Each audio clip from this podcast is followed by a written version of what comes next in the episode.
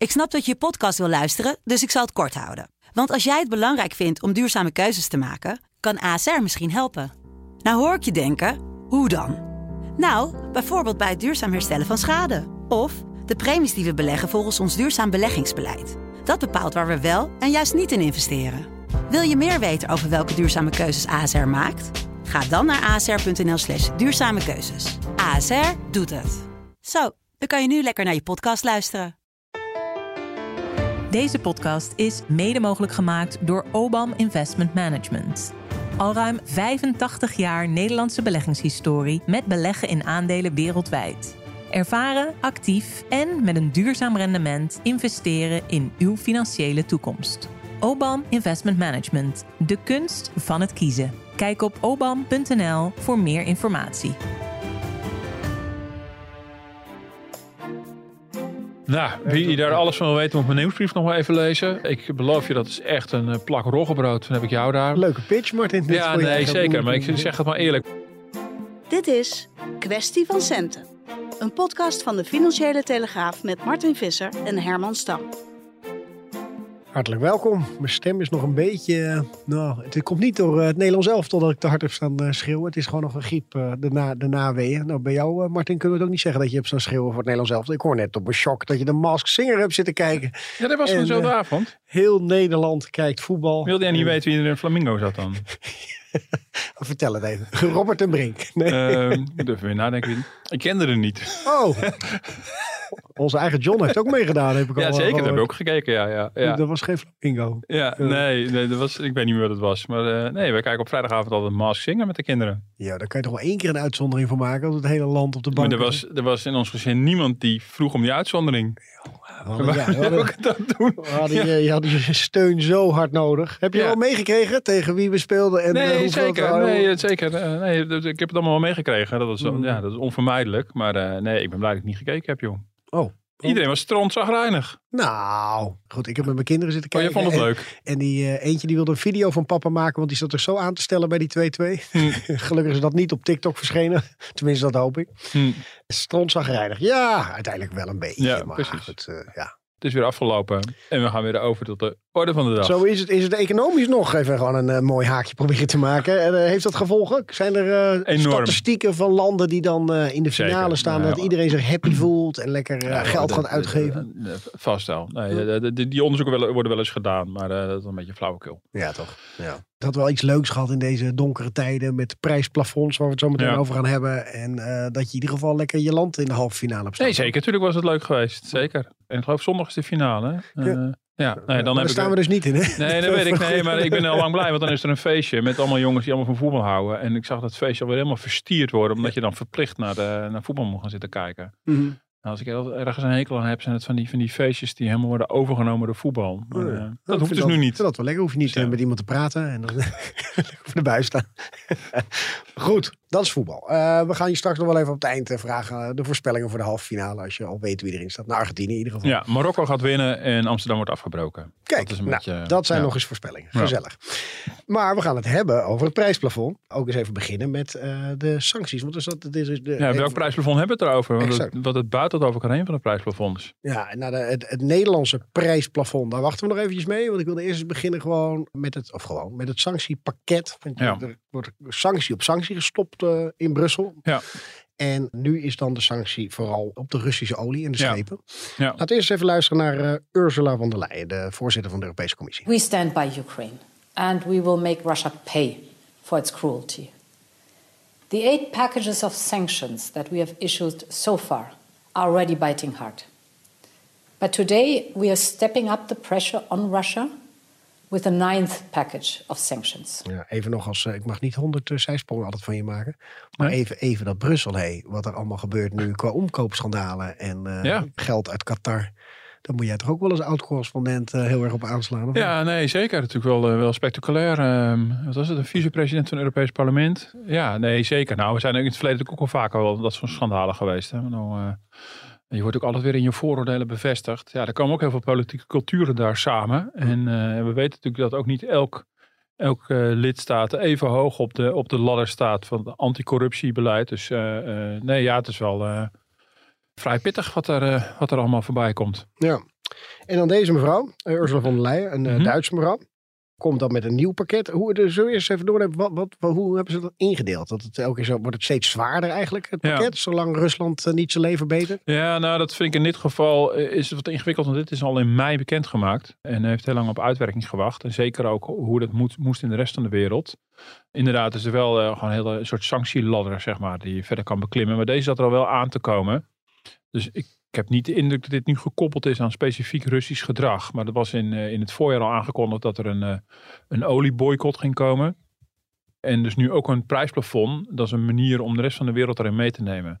Wat misschien even goed is om te zeggen, eh, wat, wat het nogal verwarrend kan zijn voor luisteraars en, en krantenlezers, is dat er steeds sprake is van twee soorten prijsplafonds. Helemaal in het begin vond ik het zelf ook heel verwarrend toen we daar in het voorjaar mee begonnen. De ene is het prijsplafond waar we het straks over gaan hebben, die was consument zien. Dus dat is een, eh, een, een, een soort plafond, of een maximum aan de prijs die je moet gaan betalen aan de energiemaatschappij. En dit gaat nu over een prijsplafond bij de inkoopprijs. Daar is bij de, bij de gas ook heel veel discussie al een hele tijd over. Uh, maar nu, nu, uh, wat nu ingevoerd gaat worden, is die voor Russische olie. En dat is bedoeld om ja, dat je gewoon boven een bepaalde prijs het gewoon niet meer koopt. Ja. 60 dollar in dit geval. Toch? 60 dollar. En dat heeft een hele andere uitwerking dan die prijsplafond voor de consument. Ja, in het nieuws loopt het allemaal soms dwars door elkaar heen. Mm. En dan, dan denken mensen, ik zie door de bomen het prijs. Ja, precies. Omdat het allebei een prijsplafond wordt genoemd. En uh, ja, ik vind de prijsplafond zoals die nu, deze voor de olie en maar over de gas ook al wordt gediscussieerd, ook wel in die zin een beetje apart. Dat je zegt, van, ja, wij zijn niet meer bereid om boven een bepaalde prijs te kopen. En ja, dat doet dan Rusland heel erg pijn. Dan denk ik, nou ja, dan koop je toch niet. Dan gaan we ergens anders naartoe. En dat doet Rusland dus ook. Ja. Dus er wordt heel stellig gezegd door de commissievoorzitter van der Leyen, dat gaat Rusland heel veel pijn doen. Dat is nog maar zeer de vraag. Ja, want uh, de verhalen doen we al op qua vluchtroutes. Ja. Uh, dat ze vooral uh, naar Azië nu aan het exporteren zijn ja. of naar Zuid-Amerika. En ook uh, van die wonderbaarlijke verhalen over spookschepen. Ja. Van die trekkers die uh, van zo'n schip afgehaald worden. Ja. Hoe, hoe, uh, hoe erg kan je daar je vinger achter krijgen? gebeurt het? wat, wat nou ja, dat, ik bedoel, ik zie in verschillende berichtgeving zie, zie ik dat wel terug. Dat er een soort, soort schijnvloot of een spookvloot van honderd schepen zou zijn. Hm. er is ook wel sprake van in de internationale media van dat Saoedi-Arabië zou helpen. Dat olie wordt overgeheveld op zee. En kijk, het gaat er dus om. De Europese Unie heeft aangekondigd dat ze echt een boycott doen tegen olie. Overigens niet een volledige boycott, maar alleen olie die over zee wordt aangevoerd. Dus in die zin, er zit al een compromis in. Dat heeft met name te maken met Hongarije en Slowakije. Die zijn zo afhankelijk van Russische olie. Die willen wel olie blijven ontvangen. Nou, die, die liggen geografisch gezien dicht bij Rusland. Die krijgen olie via de pijplijn Mhm. aangevoerd. Dus pijplijnolie is uitgezonderd. Maar alle olie die wordt overgeslagen, die bijvoorbeeld de Rotterdamse haven binnenkomt, daar geldt eh, de boycott wel voor. Maar om die boycott echt effectief te laten zijn, is ook bedacht dat er een soort prijsplafond komt voor de rest van de wereld. Hm. Zodat uh, Rusland niet te gemakkelijk zo'n boycott kan omzeilen. En dat is in de G7, en daar, daar sloeg dit nieuws met name op. In de G7 is afgesproken dat er een prijsplafond van 60 dollar komt. Nou zijn er heel veel landen die daar niet aan mee hebben gedaan. Maar de, de truc is, en dat is op zichzelf wel een slimmigheidje, is dat er uh, de prijsplafond wordt eigenlijk opgelegd aan verzekeraars. En met name West-Europese verzekeraars zijn nogal dominant in de verzekering, in, in, het verzekeren van die scheepsladingen olie. Ja, als die onder Europese regels vallen, kun je dat gewoon wettelijk opleggen. Die mogen uh, de lading alleen maar verzekeren tot een waarde van 60 dollar. Ja, ja. Dus alles wat ingekocht is boven die 60 dollar is daarmee onverzekerd. En die schepen uit welk land ze ook komen, hebben die verzekering nodig. Want ze willen niet onverzekerd rondvaren.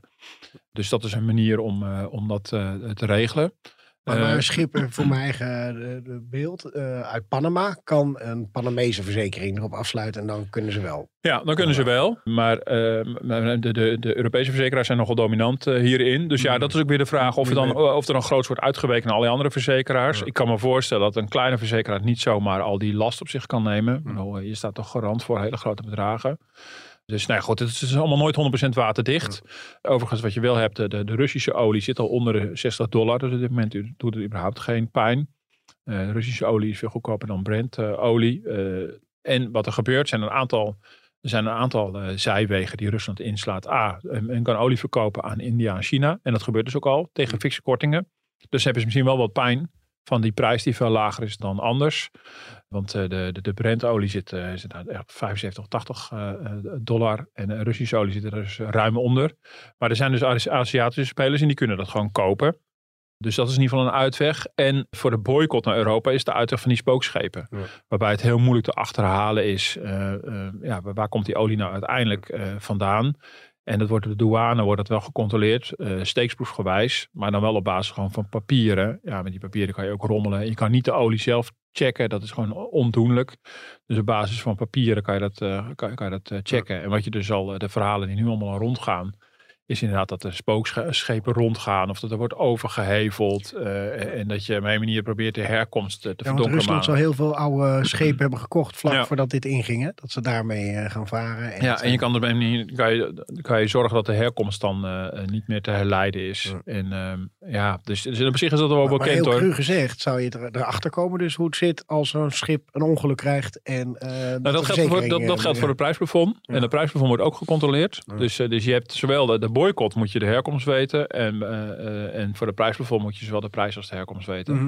Maar het heeft bijvoorbeeld ook tot, tot gevolg dat er bij Turkije, bij de Zwarte Zee, eh, ehm, eh, eh, ik weet niet of ze er nog liggen, maar er lagen op een gegeven moment iets van twintig schepen te, te wachten, omdat de Turkse autoriteiten zeker wilden zijn dat die, dat die ladingen echt wel verzekerd waren. Ja.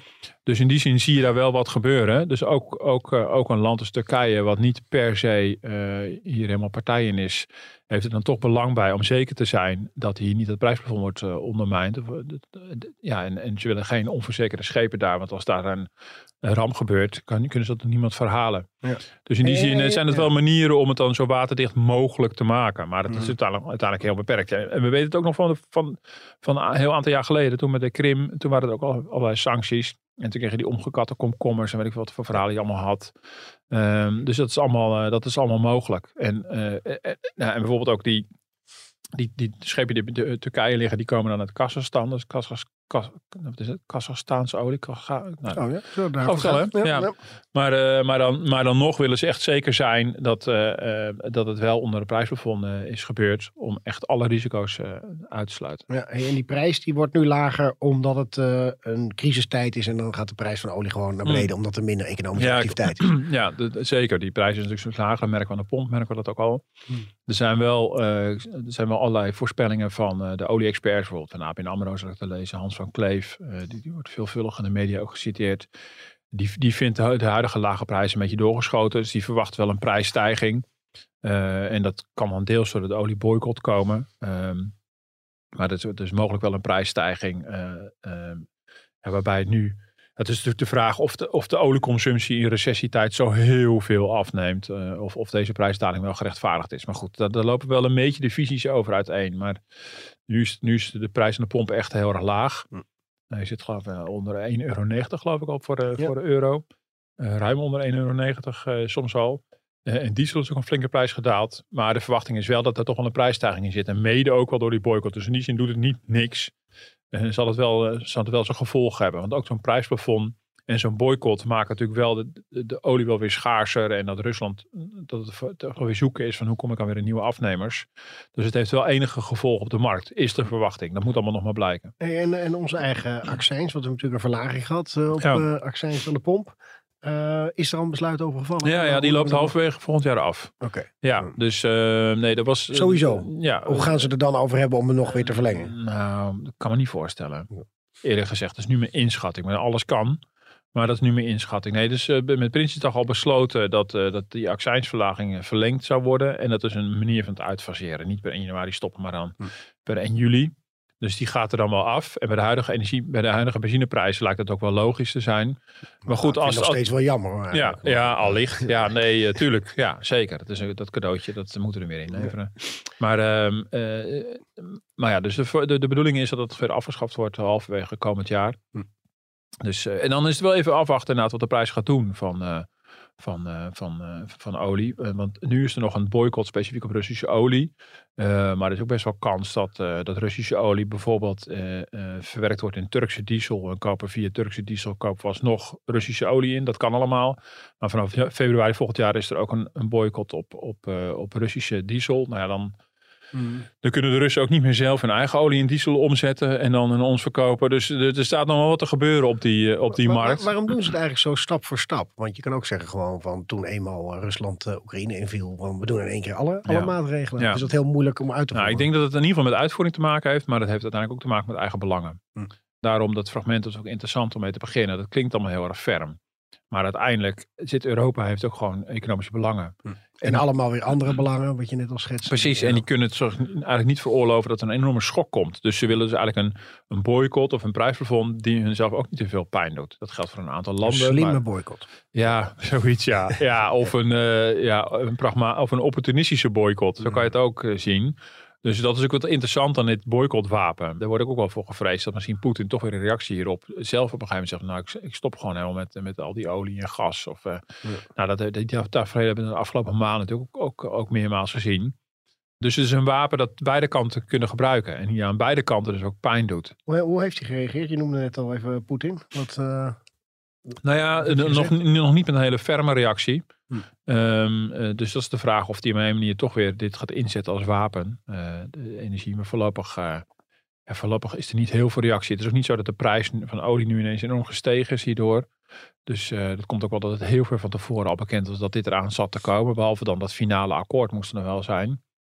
En overigens is dat ook een reden waar, waarom het soms lang duurt. Dan is er in hoofdlijnen in het voorjaar al besloten dat er zo'n boycott komt.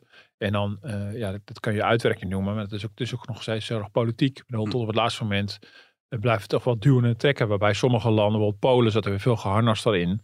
Eh, die ja, ja, natuurlijk ook, ook aan, de, aan de rand van Rusland. Maar sommige landen zitten er heel geharnast in.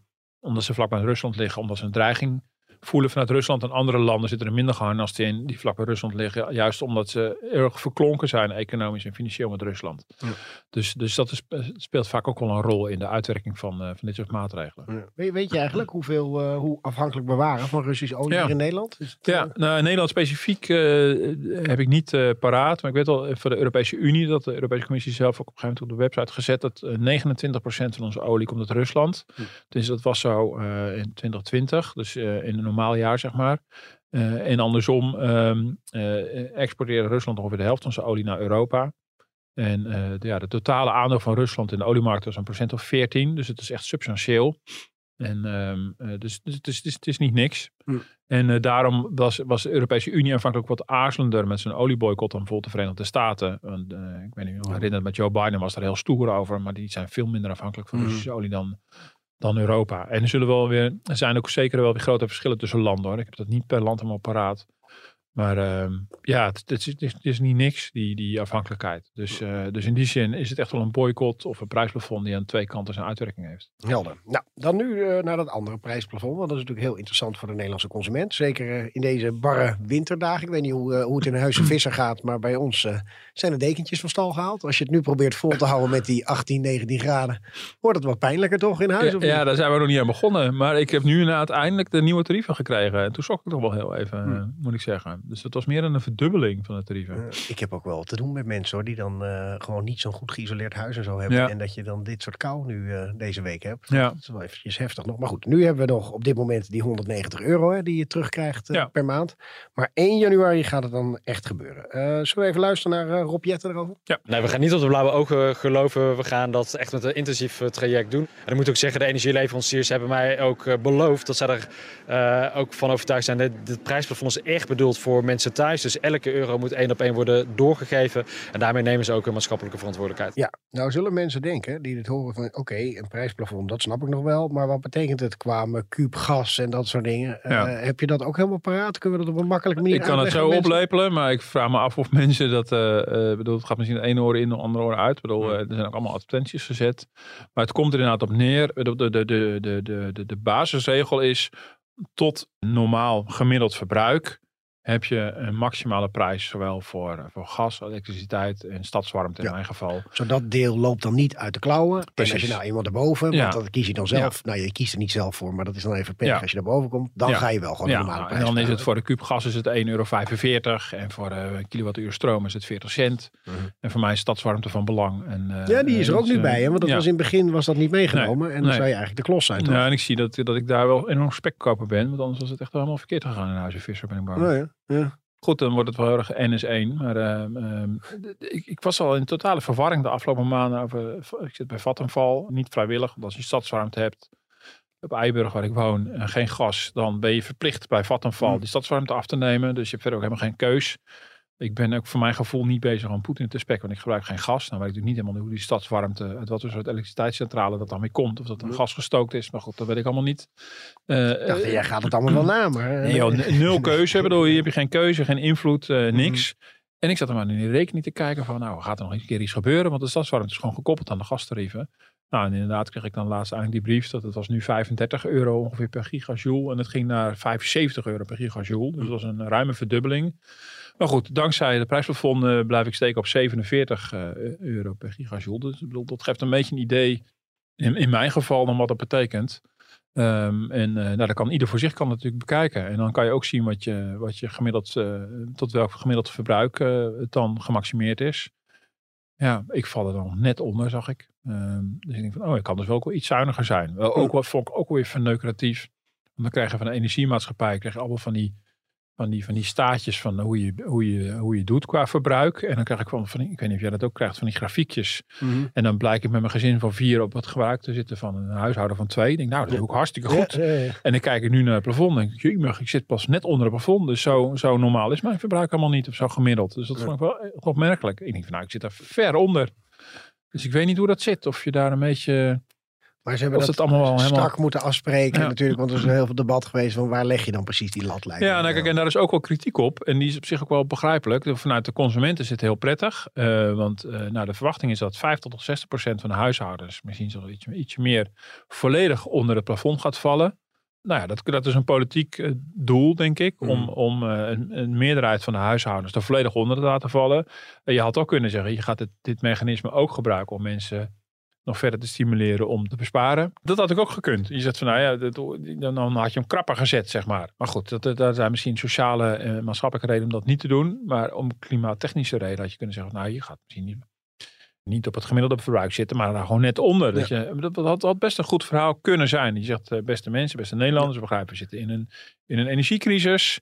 Om te zorgen dat de rekening betaalbaar blijft en dat je ook weet waar je aan toe bent gaan we allebei een stap zetten. A, de consument gaat, gaat eh, besparen op energie. En als dat dan lukt, dan, eh, dan, vergoedt de, dan, dan zorgt de overheid dat het gem- gemaximeerd is op het normale gebruik. Min 15 procent, zeg maar Ja. wat. Dus, maar dat, daar is niet voor gekozen. Dat is je een mooie van- beloning krijgt als je het echt heel laag houdt ook. opeens. Dat, eh, ja, we het nog ingewikkelder. Maar, maar goed, in ieder geval, daar is nu voor gekozen.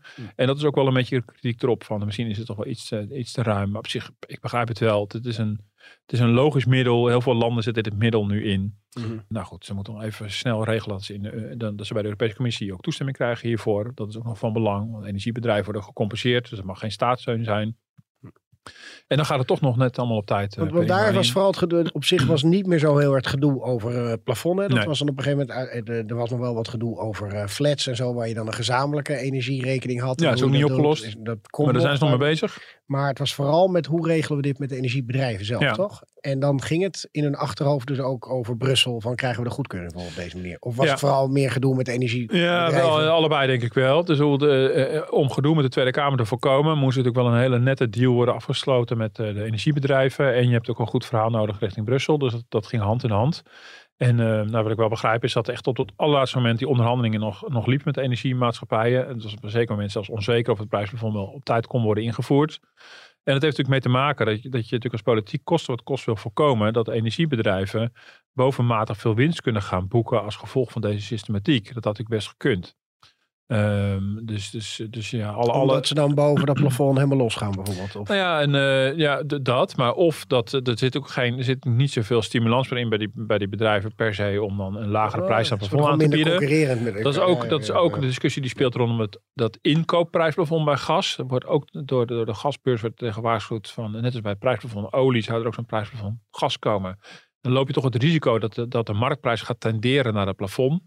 Ehm, nou heb je hier te maken met de consumentenmarkt. Dus als, als, als de ene aanbieder precies op het plafond gaat zitten en de ander zit er net onder, dan stap je met z'n allen over. Mhm. Maar goed, overstappen in, in deze onzekere tijden is dat, dat ja, die markt is toch erg verstoord. Maar in ieder geval om zeker te zijn dat er geen sluipwegen gevonden konden worden waardoor de energiebedrijven spekkoper zouden zijn, eh, wilde eh, minister Jette van tevoren een afspraak maken over de, over de maximale winstmarges. En die afspraken zijn er nu. Het is op basis van de informatie die we hebben nog best lastig om dat technisch te beoordelen of het helemaal waterdicht is. Maar wat er eigenlijk wel is afgesproken, dat op voorhand met de energiemaatschappij een winstmarge per consument wordt afgesproken.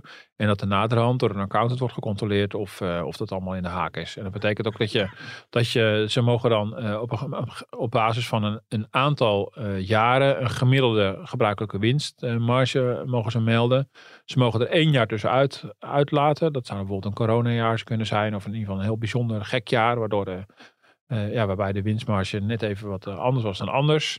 En dan daar rolt dan een, een, een, een, een winstmarge voor, uh, voor een energiebedrijf uit. Hm. En dat is, de, dat is dan de normale winst. En dan is Rob er zeker van. Dat is de bedoeling. Dat, er, wie dat ze niet meer... die accountant dan weer? Dat is, uh... ja, goed. Ja, weet je. Dat, uh, ja, nee, goed. Ja, dat geldt ook voor de kanscontrole bij alle, mm. bij alle bedrijven. Die accountant moeten zich gewoon weer melden bij, uh, bij het ministerie. Jij vertrouwt voor geen meter. Ik zie het alweer. Nou, ik, ik, meestal bij dit soort deals een beetje mijn eigen ervaring. Dat je denkt van oké, ik snap het. En zo zit het dan in elkaar. En dat we dan over een jaar erachter komen van ja, maar dat was... Uh, ja. uh, daar zat een enorm gat nog. Of, ja. Ik wil niet zeggen bij die accountants. Maar gewoon in het algemeen. Dat, dat, het niet helemaal goed doorgedacht is nog. Omdat het allemaal onder druk gaat. Ja, zeker. Nee, dat is nou, uiteindelijk... ja, weet je. Dus, dus op, op het allerlaatste moment is met, met Prinsjesdag bekendgemaakt dat dit zou komen. En toen was er nog helemaal geen idee over hoe dat uitgevoerd moest gaan worden. Um, het, het prijsplafond is daarna nog wel een keer aangepast. En, en, toen was het prijsplafond echt wel zeker. En dat is ook zo gebleven. Alleen toen hebben ze al die maanden nodig gehad om met, de, met de, de sector te onderhandelen. En Rob Jette dacht eerst dat die, de autoriteit Consumentenmarkt, ACM, dit wel kon laten regelen. Die moest dan maar een winstmarge vaststellen. En die zeiden, dat kunnen we helemaal niet. Dat uh, gaan we niet aan beginnen, daar gaan we onze handen niet aan branden.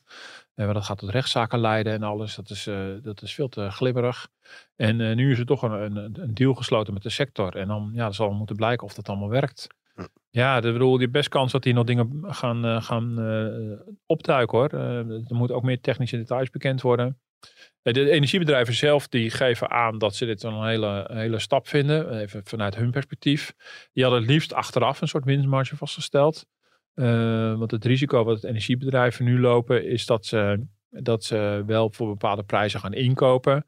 Maar dat als consumenten vervolgens toch fors gaan zitten besparen op hun energie, lopen ze misschien wel uh, verlies. Uh, en is de winstmarge, staat die daardoor onder druk? Nou goed, dus, dus, dus het blijft wel heel ingewikkeld als je als overheid zo vergaand ingrijpt in een bedrijf.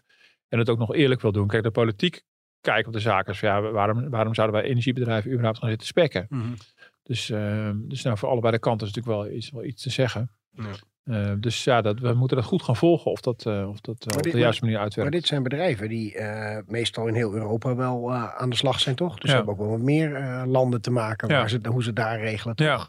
Ja. Is daar dan wel iets van ja, ik weet, ik, Frankrijk niet, zijn zoveel verder? Ja, ik weet niet of, dit, of, dit, of deze systematiek daar nou heel goed op aansluit. Hm. Dat durf ik eerlijk gezegd niet te zeggen. En, en heeft, ieder land heeft het voor zichzelf ook weer bedacht hoe, uh, hoe de prijsplafond er überhaupt uit moet zien. Dus ik kan me voorstellen dat, dat, uh, dat de compensatie ook alweer zelf verzonnen is. En uh, ja, die moet ook een beetje bij de cultuur van het land passen. Um, ja, dus dat moeten we even zien. Ik bedoel, het is wel, het is wel zaak ook voor ons om dit goed te blijven volgen. Van of hier geen rare dingen gebeuren. En ja, je zegt ongetwijfeld gelijk hebben. Die gaan natuurlijk... Ja, weet je, dat heb je met de coronasteun ook gezien. Er komen toch, ja. toch voorbeelden boven. Dat je denkt, dit was niet de bedoeling. Ja. Dus dat gaat ongetwijfeld gebeuren. Überhaupt is natuurlijk uh, forse winst geboekt in de energiesector. Uh, nou heeft de energiesector het afgelopen jaar, dit huidige jaar, wel, uh, wel een solidariteitsheffing moeten betalen. Dus het wordt er wel afgeroomd. Dus het heeft ook meer dan 3 miljard opgeleverd. waarbij overigens een deel van die heffing ook weer door, door, door de staat zelf wordt opgehoest. Want mm. Energiebeheer Nederland, die, die aan, aan, aan winning van energie doet, is in handen van de staat. En die betaalt ook een fors deel van die solidariteitsheffing. Dus in die zin ja, het is ook wel een ingewikkeld, uh, een heel ingewikkeld uh, spel wat hier uh, wordt gespeeld. Ja. Hey, en dan vond het IMF er ook nog wat van, geloof ja. ik, hè, van ons prijsplafond. Ja. Want die, die waren ook niet helemaal. nou ja, die vinden, eigenlijk, die vinden eigenlijk wat het Centraal Planbureau en Nederlandse Bank ook allemaal vinden. En heel veel, heel veel economen ook wel. Van, ja, het, het, is wel heel erg ongericht. Het is gericht in de zin dat het ingrijpt in de energierekening. Maar ongericht in de zin dat, dat het voor iedereen is, of je het nou nodig hebt of niet. Uh, hadden problemen mee dat er geen financiële dekking is, wat dus ook klopt. Er is een gigantisch gat op de begroting van 7,5 miljard uh, voor de vergroting voor volgend jaar. Dat is vrij uitzonderlijk dat dat gewoon wordt meegenomen naar het nieuwe jaar. En minister Kaag van Financiën heeft het ook niet, dat gat ook niet gedicht in de najaarsnota, maar gaat pas bij de voorjaarsnota dat uh, we niet oplossen. Ja, en alles bij elkaar, en dat is ook een onderdeel van de kritiek van de IMF en van veel meer economische partijen ja, bij elkaar leidt het tot een gigantisch pakket van de overheid, net als in heel veel andere landen. En dat, dat is per, per saldo weer stimulerend voor de economie. Je ziet het mhm. in de ramingen ook. dat het kleine beetje economische groei wat we volgend jaar waarschijnlijk hebben, helemaal gedragen wordt door, door de overheid. Dus de overheid jaagt de economie aan en daarmee ook de inflatie. Ja. En werkt dus eigenlijk de centrale banken tegen. Dat is ook een bezwaar. Ja, ja, of ben je zelfs nog verder van huis. Hè? Ja. Ja, maar ja, goed, ga er maar aan staan. Bedoel, ehm, eh, niet met de prijsplafond komen was voor mij gewoon helemaal geen optie meer. Mm. Dus goed, dan kan je over twisten of, of deze niet eh, iets te ruimhartig was. Ik vind zelf eerlijk gezegd die 290 euro eigenlijk, eigenlijk nogal bezopener dan dit. Mhm. Die heeft ook meer dan 3 miljard gekost voor twee maanden. Ik bedoel, En dat is, ja, dat hangt op geen enkele manier samen met, met de, de werkelijke energieprijs. Hangt niet samen met je verbruik. Hangt al helemaal niet samen met je inkomen. Dus mensen krijgen dat allemaal maar cadeau. Alleen maar om de, omdat de oppositie per se nog iets in dit kalenderjaar wilde hebben. Terwijl natuurlijk voor de meeste mensen de koopkrachtproblemen van de energiecrisis niet iets specifiek van dit kalenderjaar is. Dat is, dat is een probleem wat voor 1 januari speelde en na 1 januari ook weer speelt. Maar er moest en zou iets dit jaar komen. Ja. En daar is die 190 euro eh, uit, uit voortgekomen. Ja, dat is wel heel, heel merkwaardig. Mhm. En nu zie je dus dat het kabinet, maar misschien gaan we er een derde blokje nog op, op door, heel erg begint uit te dragen. Ja, dit is het dan echt, mensen. Ik bedoel, hiermee is het echt afgelopen. Want het is een keer uit met de pret. Nou, dat is niet helemaal het correcte woord, want zo, zo prettig is het voor veel Mhm. mensen niet. Maar het kabinet onderkent het zelf ook misschien wel heel erg riant. En ja, voor heel veel mensen eh, heb je misschien wel eh, profijt van. En ja, dat idealiter zou het misschien anders moeten. Maar het kon even niet anders in, in de gauwigheid. Maar dat gaat wel heel veel geld kosten. Dus dit gaan we niet daarna nog een jaar zitten doen. Ja, nee, laten we nog even luisteren. Naar, eh, je noemde er al eh, minister Kaag van eh, eh, Financiën, moet ik eigenlijk zeggen. Hoewel ze ook eh, hard op weg is om naar Suriname te gaan. Om daar over de herstelbetalingen en eh, het slavernijverleden te hebben. Maar Ja. dat is even de buitenlandse rol weer die ze moet pakken, denk ik. Maar in dit geval de minister van Financiën. Het is aan de ene kant teleurstellend voor de mensen, voor de huishoudens. Natuurlijk ook als je kijkt naar de economie, dat ondanks het historisch grote koopkrachtpakket en het tijdelijk prijsplafond, de omvang daarvan ook, dat we natuurlijk alsnog te maken hebben met een, een koopkrachtterugval. Aan de andere kant wil ik zeggen dat we natuurlijk veel erger hebben weten te voorkomen. Ik wilde vooral met je naartoe naar eh, wat staat ons nog te wachten. Ja. En dan vooral het CPB, hè? want er komen Ja. cijfers uitgekomen. Die koopkrachtplaatjes zijn eigenlijk weer eh, wat slechter. Ja. En jij zegt al van nou, eh, reken er maar op. Vanaf halverwege het jaar stoppen heel veel dingen. En dan moeten we het zelf maar zien te rooien. Maar waar, Ja. gaan, waar gaan we dan heen als economie? Ja, nou ja, ik, ik zeg vooral reken er maar op dat het een grote politieke discussie gaat worden. Want ik begrijp wel heel goed dat het kabinet nu voorsorteert, en mevrouw Kaag zeker, op eh, dat het na dit jaar wel klaar is, nou, na komend jaar wel klaar is met alle, alle eh, compensatie. Maar ik ben benieuwd of dat houdbaar zal blijken te zijn. Dat zal nog best wel ingewikkeld worden. Mhm. De hele exit-strategie. Er wordt al een tijdje eh, flink over nagedacht, ook door, door ambtenaren van de ministeries, samen met het Centraal Planbureau en de Nederlandse Bank. Van hoe, hoe, ja, wat is nou het, het, het, het, het goede politieke verhaal bij zo'n exit? Ik bedoel, wanneer houden we op met het, met het gecompenseerd? Nou, nou, volgens mij alleen als er licht aan het eind van de tunnel te zien is, toch? Ja, nou ja, dat is dus de vraag. Kijk, als er licht aan het eind van de tunnel is, dan kan je, nou, dat hebben we met corona ook gehad, dan kan je zeggen, nou, we blijven compenseren tot het licht er ook echt is. Mhm. Maar als er voorlopig geen licht aan het eind van de tunnel is, dan kan je redenering ook zijn van, ja, maar jongens, dit heeft een zeker structureel karakter. Hmm. En er komt er gewoon een moment dat we eh, ja, ons bij een manier daarop moeten aanpassen. Ja, wend er maar aan, dit is het dan eventjes. Weet je, eh, en dat is natuurlijk een hele, hele nare boodschap. En dan hangt het dus heel erg vanaf van ja, maar wat is dat scenario dan precies? Dus dat is wel heel erg lastig. Afgelopen week heeft het Centraal Planbureau eh, is met een nieuwe ramingen gekomen. Eh, normaal deden ze in december geen ramingen meer. Maar in dit geval wilden ze het prijsplafond nog een keer doorrekenen. Omdat het natuurlijk met Prinsjesdag niet doorgerekend kon worden. Want toen was het alleen nog maar aangekondigd dat het zou komen. Hadden ze dat zelf bedacht of was het dan weer een verzoek van het kabinet? Nee, dat is zelf bedacht. Ja, dus, dus het Centraal Planbureau is met twee dingen gekomen. A, het doorrekenen van, van het prijsplafond. En aan de andere kant scenario's voor het komend jaar van wat nu, als we een hele koude winter hebben, wat nu als de gasprijzen toch weer heel hard stijgen, om te kijken van eh, wat, wat betekent dat voor koopkracht en voor de rijksbegroting. Nou, eh, het interessante is dat je kan zien dat de koopkracht over eh, deze twee jaren, 2022, 2023, opgeteld, ging aanvankelijk met 3% achteruit in doorsnee en wordt nu min 4%. Dus dat is een verslechtering. En de koopkracht min zit niet meer alleen in het, in het huidige jaar, maar ook in het nieuwe jaar. Dus ondanks prijsplafond en ondanks belastingverlaging en dergelijke. En dat is natuurlijk wel een vieze tegenvaller voor het kabinet. Want ze hebben een historisch groot compensatiepakket in elkaar getimmerd. Ik zeg historisch groot, maar bij corona deden we het ook. Dus historisch eh, Mhm. het grootste pakket in twee jaar. Nee, maar, goed, we hebben natuurlijk heel twee hele rare crises natuurlijk, eh, zijn we natuurlijk aan het meemaken. Ja, dus ondanks dat pakket is het toch een koopkracht min. En dat, is dat, dat was ook niet Maar helemaal kun je nagaan hoe erg het anders was geweest, toch? Ja, dat is precies ook wat mevrouw Kaag zegt. Maar wat er heel ingewikkeld is, wat hier dwars doorheen speelt, is het feit dat het CPB nu ook met nieuwe inflatiecijfers is gaan rekenen. Oh ja. Nou, wie daar alles van wil weten, moet mijn nieuwsbrief nog maar even lezen. Maar eh, ik beloof je, dat is echt een eh, plak roggebrood. Dan heb ik jou daar. Want ik heb heel veel reacties gehad van mensen. die Van, nou ja, het is heel erop geschreven, maar ik begrijp er nog steeds geen zak van. Leuke pitch, Martin. Ja, nee, zeker. Maar ik zeg het maar eerlijk. Maar het is, het is, bedoel, het CPB maakt het zelf ook niet echt heel erg ma- gemakkelijk. Maar wat er dus gebeurt, is de afgelopen maanden is er heel veel debat geweest over de inflatiecijfers. Het CBS doet net alsof de prijsstijging voor energie ook nu meteen bij de consument terechtkomt. Alsof iedereen elke keer een, een nieuw energiecontract heeft gekregen. Maar dat is dus niet zo. Dat betekent dus dat de inflatie waarschijnlijk veel hoger is in de statistieken dan die in, in de werkelijkheid is. Dat we een beetje vooruitlopen op het echte effect. Nou, het CBS heeft al aangekondigd, we gaan in de loop van volgend jaar met nieuwe cijfers komen, waarin we de werkelijkheid beter benaderen, zodat we beter rekening houden met de daadwerkelijke energiecontracten die mensen hebben. Zodat je die spreiding over de tijd wat beter gaat zien. Want daardoor leek het alsof de inflatieklapper in 2022 was, terwijl er voor heel veel mensen die klapper misschien pas komend jaar is. Eh, Dus het is wel van belang voor de timing van koopkrachtmaatregelen. Het is wel van belang om te weten, maar wanneer, wanneer voelen die mensen die prijsstijging ook echt?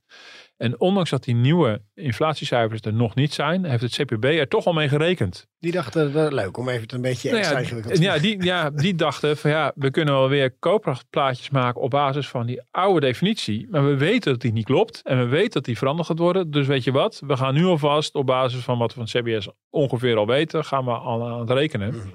En dat, dat, dat banjent er ook nog eens een keer doorheen. En dat heeft het koopkrachtbeeld voor die twee jaren ook heel erg door elkaar heen geklutst. Maar weet je, en dat wat- maakt weet je het wat ik ernstig ook vind? Van, ik vraag niet van niks aan je van, heeft het kabinet erom gevraagd? Nee, het CPB komt daar zelf mee. Ja. Maar je hoopt toch ook bij zulke beslissingen dat het kabinet daar wel ook al een goed beeld van heeft. Op dat al zelf een beetje zit door te Ja. rekenen van hoeveel effect heeft het? Ja. Wat gaat het volgend jaar betekenen? Nou ja, dat, gaan, dat, dat doen ze normaal gesproken ook wel. En bij Prinsjesdag komt ook eh, sociale zaken altijd met koopkrachtberekeningen. En die ministeries doen het ook vaak zelf.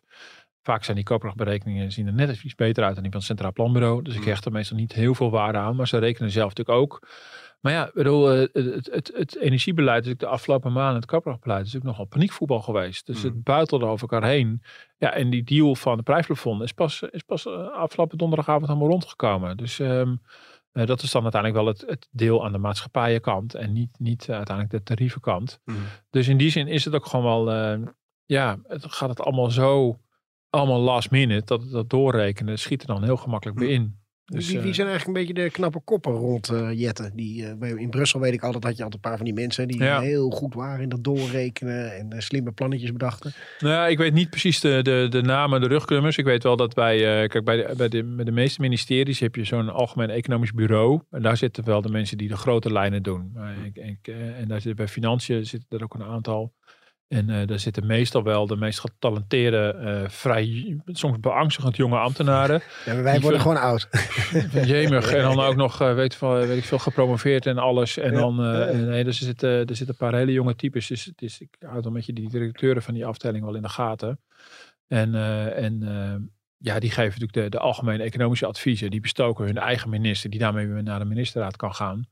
Dus die, ehm, dus, dus die doen die berekeningen en die doen al die adviezen ook, eh, ook, eh, ook afgeven. Maar goed, die doen het sec economisch benaderen. Hè. Ik bedoel, eh, terwijl een minister uiteindelijk heeft ook gewoon politieke afwegingen Mhm. te maken. En om maatschappelijke, maatschappelijke redenen kan je soms een andere afweging maken dan je sec economisch zou doen. Zeker gewoon in het geval van Rob Jetten, toch? Die met Ja. zijn partij misschien wel voorstander is dat we gewoon wat minder energie gaan verbruiken. Dus misschien een plafond wat lager. Ja, en tegelijkertijd ook weer niet de verdenking op zich wil laten dat hij deze crisis misbruikt om zijn eigen klimaatplannetjes door te voeren. Dat is ook wel een, een ingewikkelde balans. En dat lijken ze tot nu toe niet echt te doen.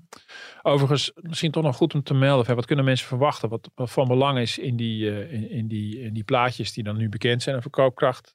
Eh, daar zit nu een prijsplafond in. Ik zei al, er zit een nieuwe definitie van de inflatie in. Eh, nou, dat is echt voor de liefhebbers. Maar er zit dus ook een nieuwe inflatieraming in. En die werd niet heel expliciet gemaakt. Maar dat is wel opvallend. Het Centraal Planbureau zat heel laag met zijn verwachte raming van inflatie voor, voor komend jaar. Maar zit nu weer een stuk hoger. Ehm, dus dat betekent dus eh, dat de inflatie, zij verwacht dat de inflatie volgend jaar 3,5% gaat zijn. Dan denk ik, nou dat valt reuze mee, want we waren 10% gewend. Eh, maar dat is 3 3,5% inclusief al dat beleid rond het prijsplafond, dat zit erin verrekend. Ehm, als je prijsplafond weghaalt, dan zou de inflatie 6% zijn geweest. Dus dat Mhm. geeft een beetje beeld van wat in de normale markt de inflatie zou zijn geweest komend jaar. Ja, dat betekent dus, dan is die, die, die ex, dat extreme jaar van 2022 later dan misschien achter ons. Maar dan gaan we wel weer een jaar in opnieuw met behoorlijk hoge inflatie. En de energiekant is hier afgedekt, maar in de boodschappen gaan we dat nog wel degelijk merken. En in tal van andere, eh, tal van andere producten en diensten. Mijn kinderopvang is, is, is geloof ik 12% duurder geworden. Eh, eh, ik ben niet de enige. Ik zie het op Twitter ook allemaal rondgaan. Dus een, bedoel, om maar een voorbeeld te noemen, op allerlei manieren kom je die prijsstijgingen nu tegen. En daar gaan we natuurlijk wel gewoon heen. Dus heel veel mensen zullen dat gewoon ervaren. Die zullen zien van oké, de officiële inflatiecijfers gaan omlaag. Maar ik ervaar nog wel degelijk dagelijks dat mijn boodschappen extreem veel duurder zijn. En dat allerlei andere dingen ook allemaal duurder zijn geworden. Nou, sterker nog, dat je inderdaad nog meer die naweeën ziet nu in dit komende jaar Ja. van Ja. energieprijzen, Ja. waardoor bedrijven dat weer gaan doorrekenen. En dan is dus de vraag van wat gaat er in 2024 gebeuren? En dat is natuurlijk de grote vraag. Want je weet, stel dat de energieprijzen, wat de verwachting is, langdurig hoog zullen blijven. Ehm, eh, eh, en, en, die, en die voedselprijzen die, eh, die gaan pas tegen de tweede helft van het jaar een beetje temperen weer.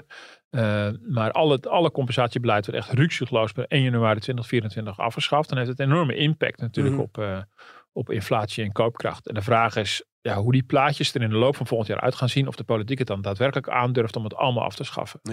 Dus dat, moet, dat hebben we met benzineaccijns ook gezien. Had men lief ook, liefst ook afgeschaft, maar heeft het toch met een half jaar verlengd. Nou ja, dan krijg je natuurlijk wel weer het belang van welke verkiezingen zijn er weer op stapel. En eh, Ja. willen we nog weer een beetje wat geven aan de mensen Ja. om ze te Ja. paaien, toch? Ja, precies. En nu zijn we natuurlijk met de ogen gericht op, eh, op de, de provinciale staten en daarmee op de Eerste Kamer. En op een gegeven moment komt ook de Tweede Kamer verkiezing weer in beeld.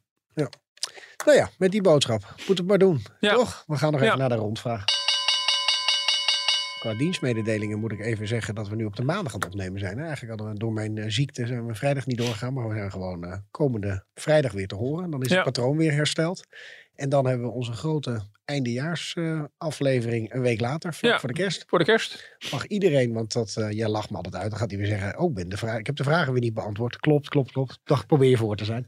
Eh, maar die gaan we dan allemaal beantwoorden. Ja, dus mensen kunnen ook vragen insturen, toch? Dus dan gaan we met je... podcast.dft.nl. Ja, goed. Ja. Want eh, we hebben er een aantal staan, maar we willen heel graag die uitzendingen. Dan zitten we er ook aan vast, maar dat willen we ook heel graag. heel, heel veel verschillende thema's gaan behandelen waar Ja. onze kijkers mee bezig zijn. Dat is altijd heel leuk. Vind ik altijd een hele leuke uitzending. Die hebben we vorig jaar ook gedaan. Ja. Dus dat, eh, dat eh, van mijn kant. Ja, precies. rondvraag. Dan moet in ieder geval dus de vragen worden. eh, Even kijken, dan gaan we dan in de week van eh, 22, 23 december dat opnemen. Dus als er vragen ergens begin volgende week binnen zijn, dan kunnen we mee aan de slag. Heel goed. Ja, ik ben nou benieuwd wat jij nu, wat jij nu van zondag verwacht.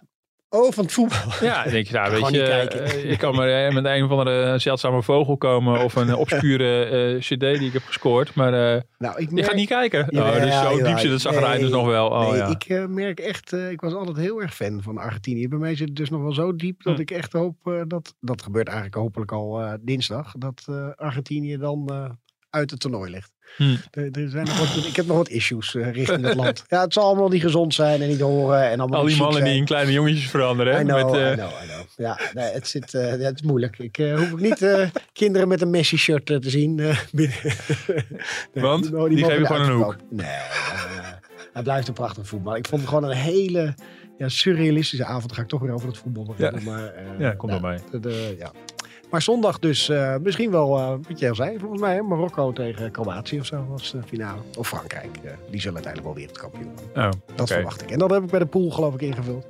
Dus dan schiet ik er ook nog financieel wat mee op als dat gebeurt. Oh ja, nou heel goed. Nou, ik ben benieuwd. Dan zullen we wel taart krijgen bij de volgende podcast. Zo is het. Of nee, Franse, Franse gebakjes.